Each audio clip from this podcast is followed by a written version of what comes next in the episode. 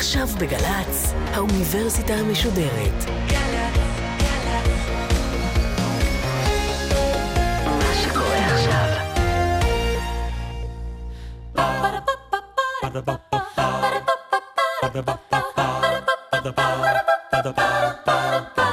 האוניברסיטה המשודרת מציגה מבוא ל עם מאיה להט קרמן והסמסטר שפה. והפעם שיחה עם הדוקטור איה מלצר אשר מהחוג לבלשנות ובית הספר סגול למדעי המוח באוניברסיטת תל אביב על שפה ומוח. עורכת ראשית מאיה גאייר.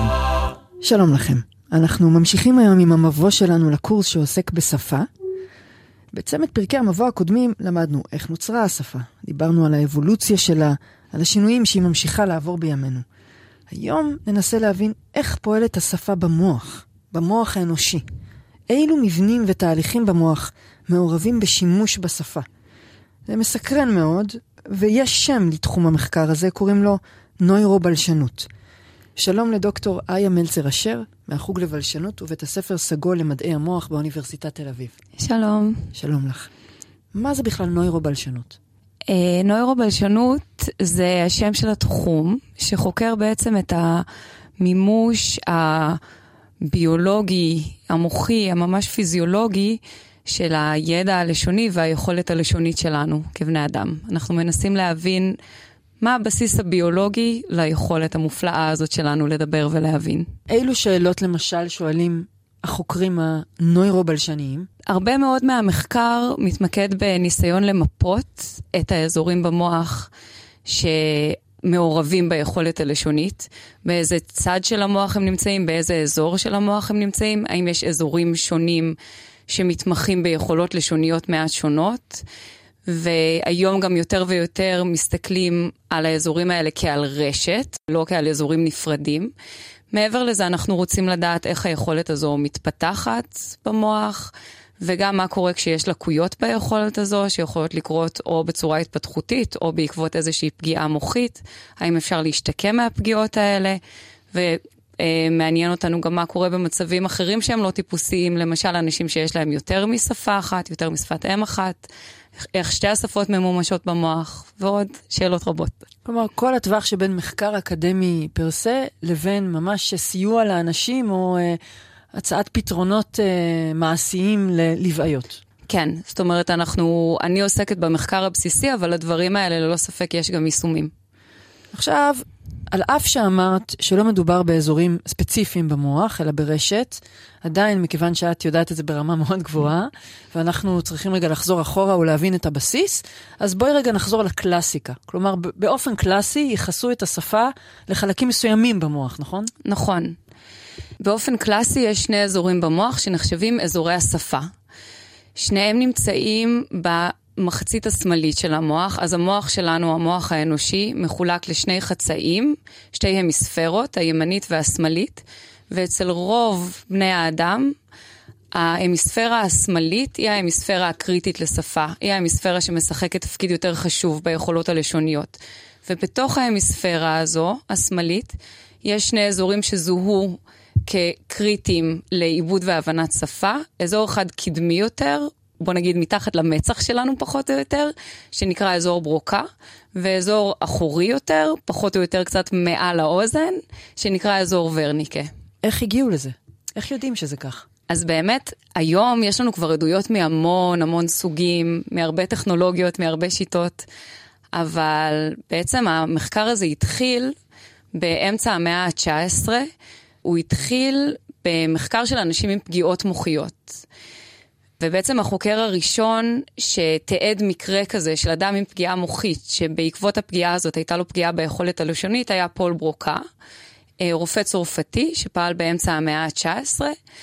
אה, היה לו חולה אחד שסבל משבץ, והחולה הזה בעצם איבד את היכולת הלשונית שלו לחלוטין. אחרי השבץ הוא הצליח להגיד רק הברה אחת, לחזור על הברה אחת, טן, טן. לכן עד היום קוראים לו מסיה טן. אחרי שהחולה הזה נפטר, ברוקה בעצם ניתח את המוח שלו, וראה שהמוח שלו פגוע בהמיספירה השמאלית, באזור הקדמי, מתחת למצח פחות או יותר, ובעצם ברוקה היה הראשון שקישר בין האזור הספציפי הזה לבין היכולת הלשונית. האזור נפגע, היכולת הלשונית נפגעה, מכאן שיש קשר ביניהם. והאזור הזה נקרא עד היום אזור ברוקה. אבל ניתן היה להניח למשל שזו פגיעה מוטורית. הוא פשוט לא יכול לומר את המילים. זאת אומרת, מדוע אנחנו מבינים שזו פגיעה תפיסתית לצורך נכון. העניין? זו שאלה מצוינת. אז באמת, אצל מסיה טאן ספציפית, אפשר לחשוב שהפגיעה היא יחסית פגיעה מוטורית. בגלל שבאמת קשה היה לו מאוד לדבר, הוא הצליח לחזור רק על הבהרה אחת, אבל הוא היה יכול יחסית להבין שפה כמו שצריך. בשנים שעברו מאז, אנחנו רואים שלאנשים עם אפזיית ברוקה, אנשים עם פגיעה באותו אזור, באזור ברוקה, יש גם בעיות בהבנה. זאת אומרת, הבעיה היא לא רק מוטורית, זה בעיות שהן קצת עדינות, זאת אומרת, הם בסך הכל מסתדרים בחיי היום-יום, אבל אם אנחנו חוקרים את זה לעומק, אנחנו נגלה שיש להם גם בעיות בהבנה. אמרת פאזיה, זה דורש הסבר. נכון. אז אפזיה זה השם שאנחנו נותנים לפגיעה ביכולת הלשונית, שנובעת מפגיעה מוחית. במקרה הזה, ברוב המקרים, האפזיה הנפוצה ביותר היא בעקבות שבץ, שבץ שפגע בהמיספירה השמאלית. אמ, אבל אפזיה יכולה להיות גם לא בהכרח בעקבות שבץ. בשנים האחרונות חוקרים יותר ויותר אפזיה שקורית בעקבות מחלה נוירודגנרטיבית. זאת אומרת, מחלה שחלה עם ההזדקנות, מחלה שהיא בת דודה הרחוקה של אלצהיימר. האלצהיימר, שבה יש פשוט מוות של תאי מוח, שגורם לאיזושהי ירידה בתפקודים קוגניטיביים. אבל רוב האפזיות שנחקרו זה באמת בעקבות שבץ. אז אני רגע חוזרת אחורה, אז ברוקה, אמרנו, אה, רופא צרפתי מצא פגיעה ספציפית, אה, אפזיה, כך לימדת אותנו, אה, וזיהה שהיא קשורה אה, לפגם בדיבור, שעדיין לא ידעו אז והיום יודעים קצת יותר ממה הוא בעצם נובע, והמיקום השני שציינת, איך נכון. הגיעו אליו? אז בערך עשר שנים אחרי שברוקה בעצם אבחן את החולה הראשון שלו באפזיה, אפזיית ברוקה, אה, רופא אחר, גרמני, קרל ורניקה, עבד גם הוא עם חולים שנפגעו משבץ, והאוכלוסיית חולים שלו, בעצם הפגיעה שלהם הייתה שונה לחלוטין. בניגוד למסיה טאן, שבעצם לא הצליח לדבר, חזר כל הזמן על הבהרה אחת, החולים של ורניקה, הדיבור שלהם נשמע מאוד מאוד שוטף. הוא נשמע מאוד שוטף, אבל בעצם זה היה דיבור חסר משמעות, מין סלט מילים כזה. כמו כן, בניגוד לחולי אפזית ברוקה, החולים האלה של ורניקה, היה נראה שיש להם קשיים מאוד חמורים גם בהבנה. זאת אומרת, גם כשהם היו נדרשים, נגיד, לעשות מטלות פשוטות, כשביקשו מהם, הם לא הצליחו להבין את ההנחיות. זאת אומרת, נראה שבאפזית ברוקה הבעיה היא בעיה יותר הפקתית, ובאפזית ורניקה הבעיה היא יותר בהבנה ובתפיסה. או זו לפחות הייתה הדרך שבה הסתכלו על זה. מאה שנים בערך, אה, עד נגיד שנות ה-70 של המאה ה-20. זאת אומרת, את אומרת, יש תופעה, הצליחו לזהות אותה בניתוח שלאחר המוות, אני מתארת לעצמי, את המיקום שלה במוח, אבל מכאן ועד כאן הדרך מאוד ארוכה להבין איך הפגיעה הזאת קשורה לתופעה הזאת. מה המשמעות האמיתית של זה? מה נפגע שם? מה קורה שם בפנים? אז באמת, כאמור, המוח שלנו אה, מורכב משתי המיספרות, ובעצם המוח, יש בו מיליארדים של תאים קטנטנים, תאי עצב. ולזה אנחנו קוראים החומר האפור. כשאומרים החומר האפור, מתכוונים לתאי העצב האלו. תאי העצב מחוברים זה לזה, ברשת של סיבים בעצם, וזה החומר הלבן. החומר הלבן מקשר בין תאי העצב, שהם החומר האפור. כשאנחנו מתבגרים ומזדקנים, מה שטוענים שמת אצלנו זה לצורך העניין החומר האפור. כן. אוקיי. כן, עם הזקנה, גם זקנה טיפוסית, יש התדלדלות של החומר האפור. תאי מוח, תאי עצב, שאנחנו קוראים להם גם נוירונים, בעצם מתים ולא מתחדשים משלב מסוים, או לא מתחדשים בקצב מספיק. אז מה קורה באפזיות האלה? באפזיות, מה שקורה בשבץ בדרך כלל או שנחסם כלי דם, או שמתפוצץ כלי דם, וזה בעצם מוביל לזה שאין זרימת דם תקינה לתאי עצב, וזה בעצם גורם למוות של תאי עצב באזור מסוים. זאת אומרת, זה יכול להיות אזור גדול יותר, אזור קטן יותר, זה מאוד תלוי בפגיעה, וכל פגיעה היא מאוד מאוד שונה. ובאיזה שלב במחקר, אני מתארת לעצמי כבר במאה ה-20, אנחנו מתחילים להבין איזה אזור יותר ספציפי של תאי העצב האלה אחראי על איזה תפקיד בדיבור?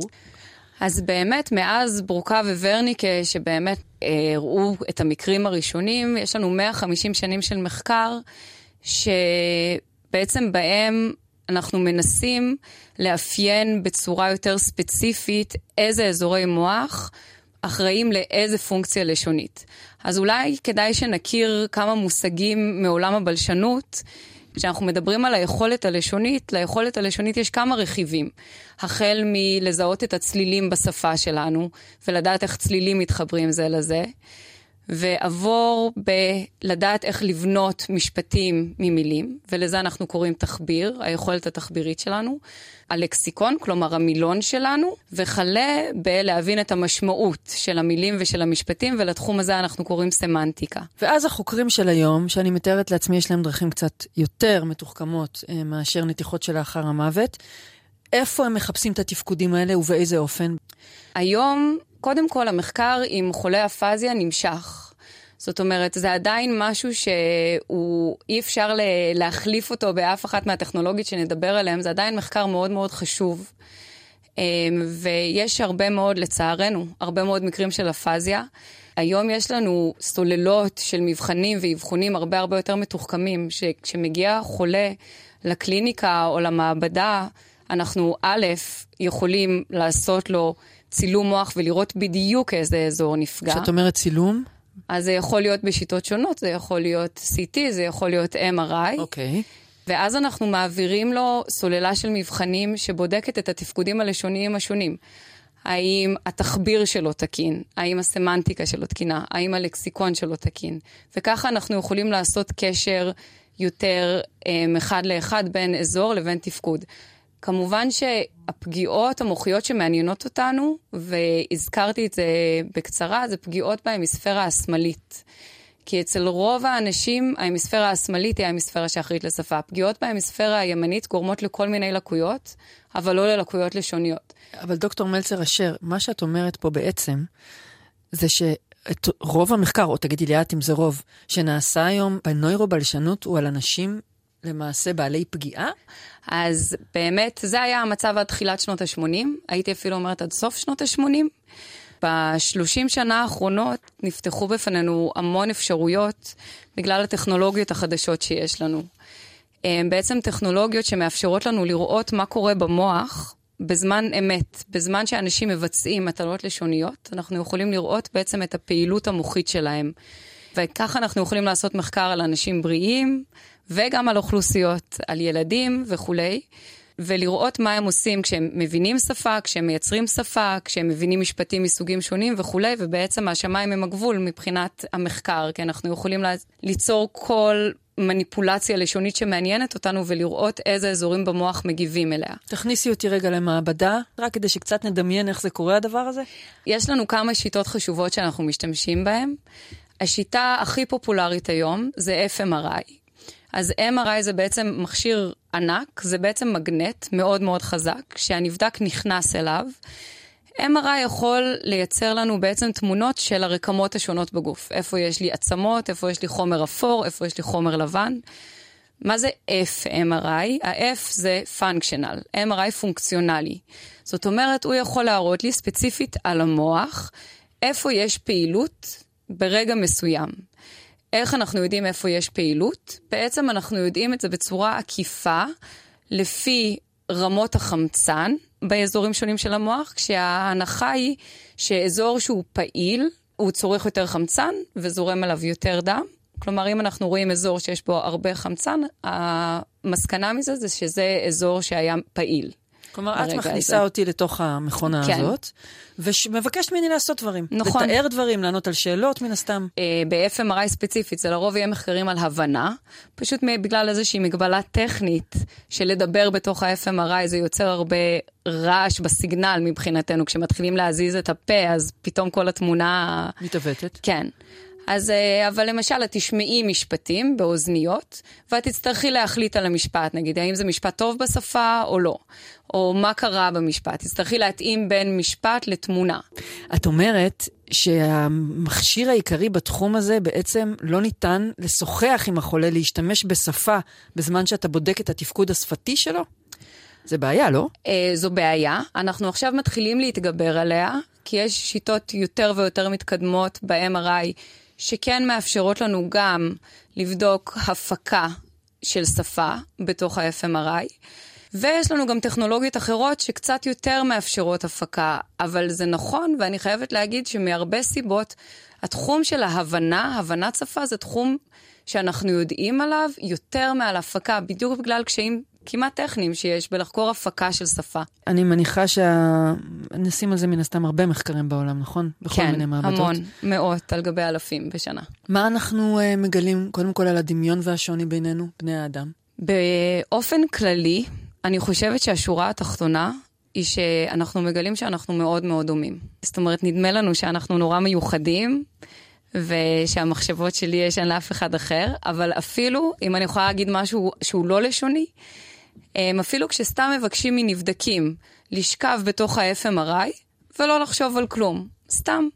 נדמה לנו שאנחנו חושבים, כל אחד חושב על משהו אחר לגמרי, בטח כל אחד אנחנו נראה פעילות באזורים אחרים לגמרי, לא. רואים פעילות באותם אזורים, אזורי ברירת מחדל כזאת, אצל כולנו הם פועלים. אז האזורים הם מאוד מאוד מאוד דומים. במטלות לשוניות, כמעט אצל כולנו תפעל רשת יחסית גדולה של אזורים, שהיא בעיקר בהמיספירה השמאלית. היא תכלול לרוב את אזור ברוקה, הקדמי יותר, את אזור ורניקי, האחורי יותר, ועוד כמה אזורים אה, שמופיעים בצורה פחות שיטתית. וההבדלים הבין-אישיים במובן הזה הם לא מאוד גדולים. והבדלים בין שפה לשפה? גם לא. עד עכשיו לא חקרנו את כל השפות כמובן, אבל השפות שנחקרו, שזה כבר מדגם לא קטן של שפות. אנשים שמדברים סינית, מנדרינית, ואנשים שמדברים יפנית, ואנשים שמדברים גרמנית, ואנשים שמדברים עברית, אותם אזורי מוח פעילים להם. אני שבה איתך לפרק הראשון במסגרת הסמסטר שלנו, ושם דנו באריכות אה, במשנתו של אה, נועם חומסקי. הוא מאוד מעניין אותי, האם מה שאת אומרת בעצם מחזק את הטענות שלו? זו שאלה מאוד מעניינת, מתווכחים עליה. אז חומסקי, כזכור, ההצעה שלו היא שבעצם ליכולת הלשונית האנושית אה, יש בסיס ביולוגי, ומעבר לזה שהוא ביולוגי, הוא מולד. זאת אומרת, אנחנו נולדים עם איזשהו מכשיר כזה שמאפשר לנו לדבר ולהבין שפה אנושית. האם מה שאמרתי עכשיו מחזק את הטענה של חומסקי? אני חושבת שקשה מאוד להסביר את כל מה שאנחנו יודעים על שפה ועל שפה ומוח, בלי להניח שיש לפחות משהו מולד שהוא ספציפי לשפה. ללא ספק לא הכל, יש המון דברים שאנחנו פשוט לומדים מניסיון. המון, וגם אם אנחנו לומדים אותם מניסיון, יכול להיות שהם יגייסו את אותם אזורים במוח אצל כולנו. נגיד אצל כולנו יש אזור שמופעל כשאנחנו רואים שרשרות של אותיות. אני חושבת שאף אחד לא יטען שהיכולת לקרוא היא יכולת מולדת. ובכל זאת האזור הזה הוא אזור שהוא מאוד מאוד דומה בין בני אדם שונים. גם אצל תינוק? גם אצל... לא, לא, לא. אצל אנשים שקוראים. אצל אנשים שקוראים. אז זה משהו שאתה לומד לקרוא, והאזור הזה מתגייס. אבל לא כי זה יכולת מולדת. אז יש הרבה דברים שאנחנו לומדים מניסיון, אבל אני כן חושבת שיש תכונות מסוימות של שפה שיהיה קשה מאוד להסביר בלי להניח שיש איזשהו רכיב מולד ליכולת הלשונית. ולמה ילדים לומדים יותר מהר שפה ממני, ממך? ילדים, באמת, אנחנו חוזרים פה למוח, המוח שלהם מאוד מאוד גמיש.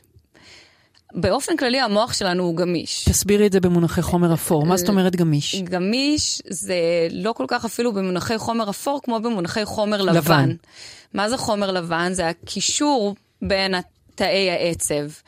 ובעצם מה זה לדעת משהו? מה זה ללמוד משהו? זה שיהיה לנו איזשהו קשר חדש. ילדים מאוד מאוד טובים בליצור קשרים חדשים כאלה, וכשאנחנו מבוגרים, היכולת הזו היא לא, היא לא נעלמת, אבל היא הולכת ופוחתת. ואנחנו רואים את זה מאוד מאוד יפה במקרים של אפזיה, של ילדים שהיה להם שבץ, שפגע בהם מספירה השמאלית והם איבדו את היכולת הלשונית או חלק מהיכולת הלשונית. וילדים יכולים להשתקם מזה. איזשהו אזור אחר במוח מצליח מתגייס. לקחת על עצמו את הפונקציות של האזור שנפגע וללמוד את זה. ומבוגרים שסבלו משבץ ויש להם אפזיה, יש שיקום אה, ספונטני שקורה, ואם עובדים איתם, אז אפשר להשתקם אפילו קצת יותר, אבל הם לעולם לא יחזרו ליכולת הלשונית שלהם. את יכולה להסביר במונחים האלה את היכולת של אנשים מסוימים, מבוגרים, לתפוס שפות נורא מהר, לדעת שבע, שמונה שפות בו זמנית, ואחרים פשוט לא לקלוט כלום, להגר לארץ חדשה ולא להבין עד קצה ימיהם את, uh, את השפה שהם גרים בה? אולי זה מפתיע, אבל אין על זה המון מחקר, על ההבדלים הבין-אישיים האלה ביכולות שלנו. יש הרי הבדלים, נכון? נכון יש אנשים שמאוד מוכשרים הבדלים, לזה. יש הבדלים, ואנשים שהם מוכשרים ספציפית לשפה, זאת אומרת, זה לא שכל דבר שהם ילמדו עכשיו הם ילמדו יותר טוב מאחרים, אבל שפות כן. אני לא חושבת שאצל האנשים האלה אנחנו נמצא שיש, נגיד שאזור ברוקה שלהם גדול יותר, יש בו יותר חומר אפור. אני חושבת, אינטואיציה שלי, שאנחנו נמצא יותר קישוריות, יותר חומר לבן. יצא על המחקר הבא שלך. ועוד שאלה של משהו שתמיד נוהגים לומר, שאנשים בעלי יכולת ללמוד יותר שפות הם גם בעלי יכולת מתמטית יותר מפותחת, על זה יודעים משהו, שיש קשר בין היכולת שלנו לקלוט את תורות המספרים לבין תורת השפה?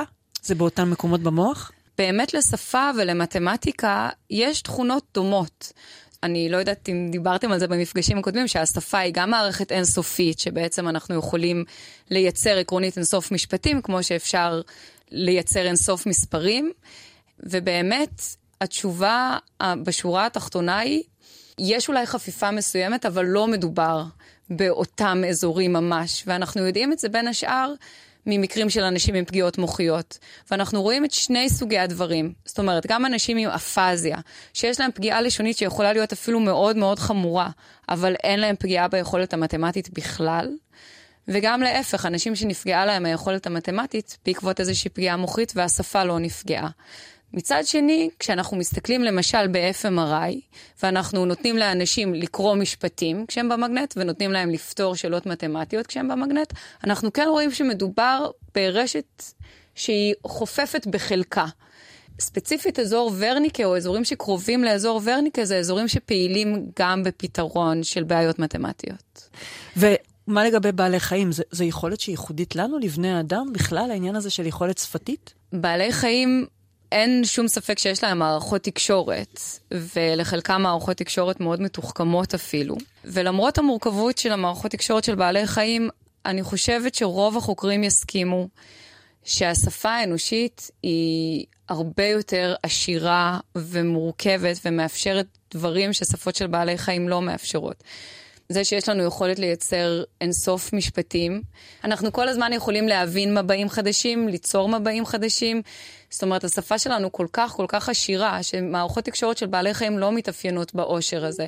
ועוד משהו שמאפיין את השפה שלנו זה היכולת לדבר על דברים מופשטים, ועל דברים שהם לא בכאן ובעכשיו, דברים בעתיד, דברים בעבר, דברים בארצות אחרות. אז במובן הזה זו יכולת שכן, היא מאפיינת את בני האדם. דיברת על דוגמה של תקשורת בין שני בני אדם. ואני תוהה אם במובן הזה היכולת השפתית שלנו, שאתם חוקרים uh, פר אדם בתוך uh, FMRI, האם היא נראית שונה מבחינת מיפוי המוח כאשר הוא מדבר עם מישהו? כלומר, כאשר זה חלק מתקשורת ולא רק הבעה. זה משתנה באיזה אופן? באמת, המחקר גם הולך עכשיו קצת לכיוון הזה.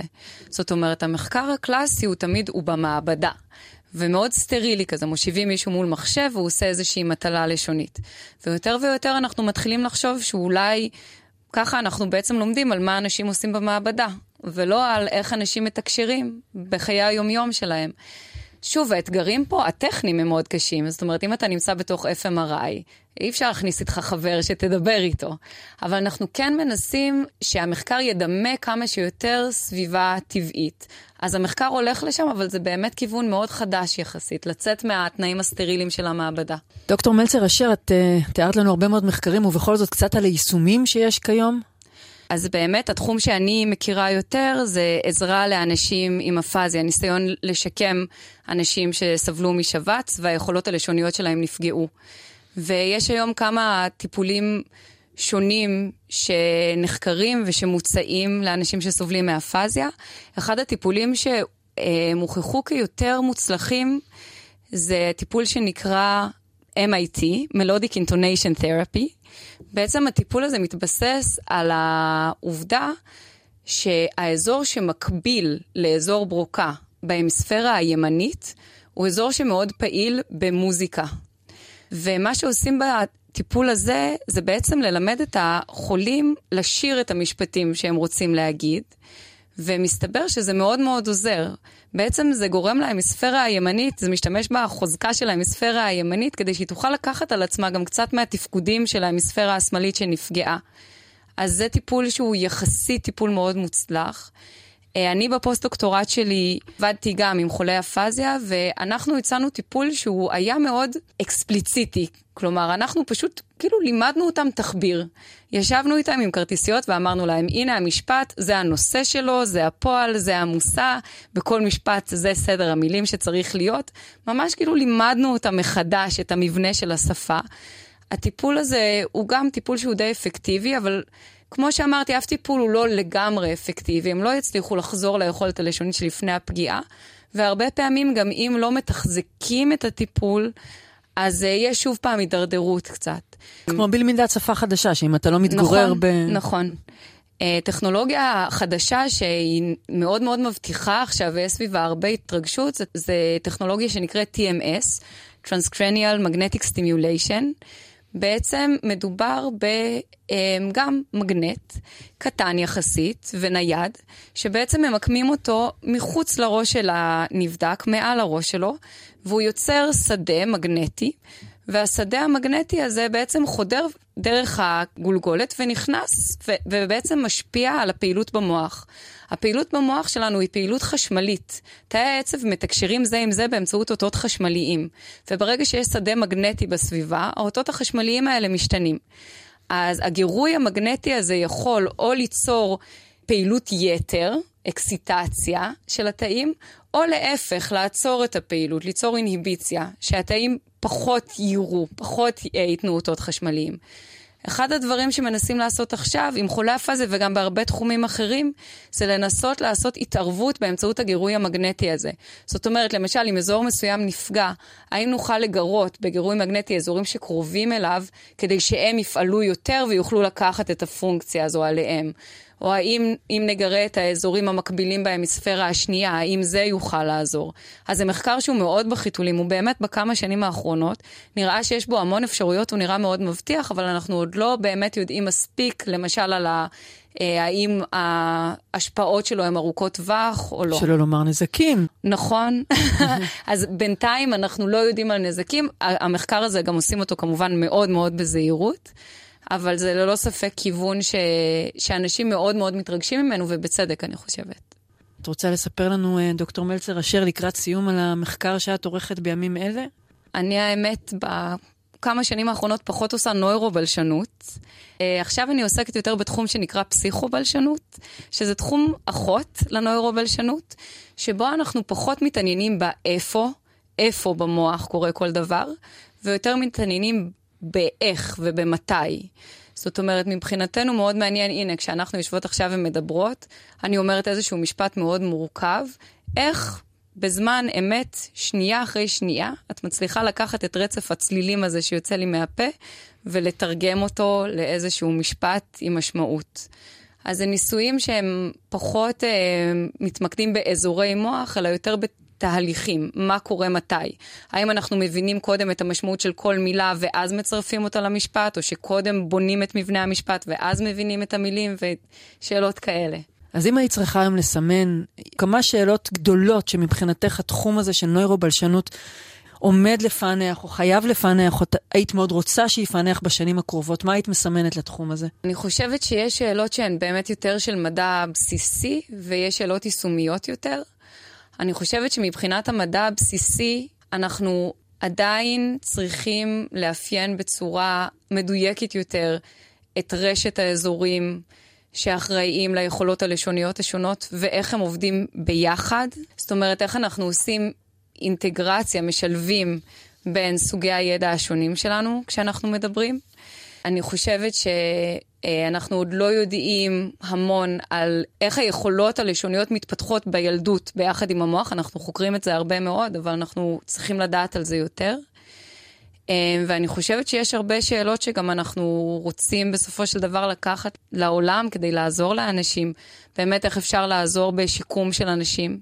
עם פגיעות לשוניות, כי כרגע השיטות שיש לנו, ההצלחה שלהן יחסית מוגבלת, אז אני חושבת שאלו האתגרים הגדולים. מחקר שיש לו עוד דרך ארוכה לעבור ועוד הרבה הישגים להציע.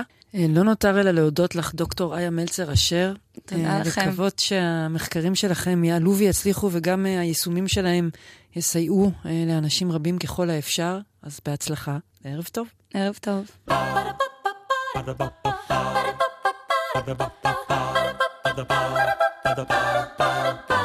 האוניברסיטה המשודרת, מבוא ל. מאיה להט קרמן שוחחה עם הדוקטור איה מלצר אשר מהחוג לבלשנות ובית הספר סגול למדעי המוח באוניברסיטת תל אביב על שפה ומוח. עורכת ראשית, מאיה גאייר. עורכות ומפיקות, מיקה נחטיילר ויובל שילר. מפיקה ראשית, אביגיל קוש. עורך הדיגיטל, עירד עצמון שמייר. האוניברסיטה המשודרת, בכל זמן שתרצו, באתר וביישומון של גל"צ, וגם בדף הפייסבוק של האוניברסיטה המשודרת. משודרת.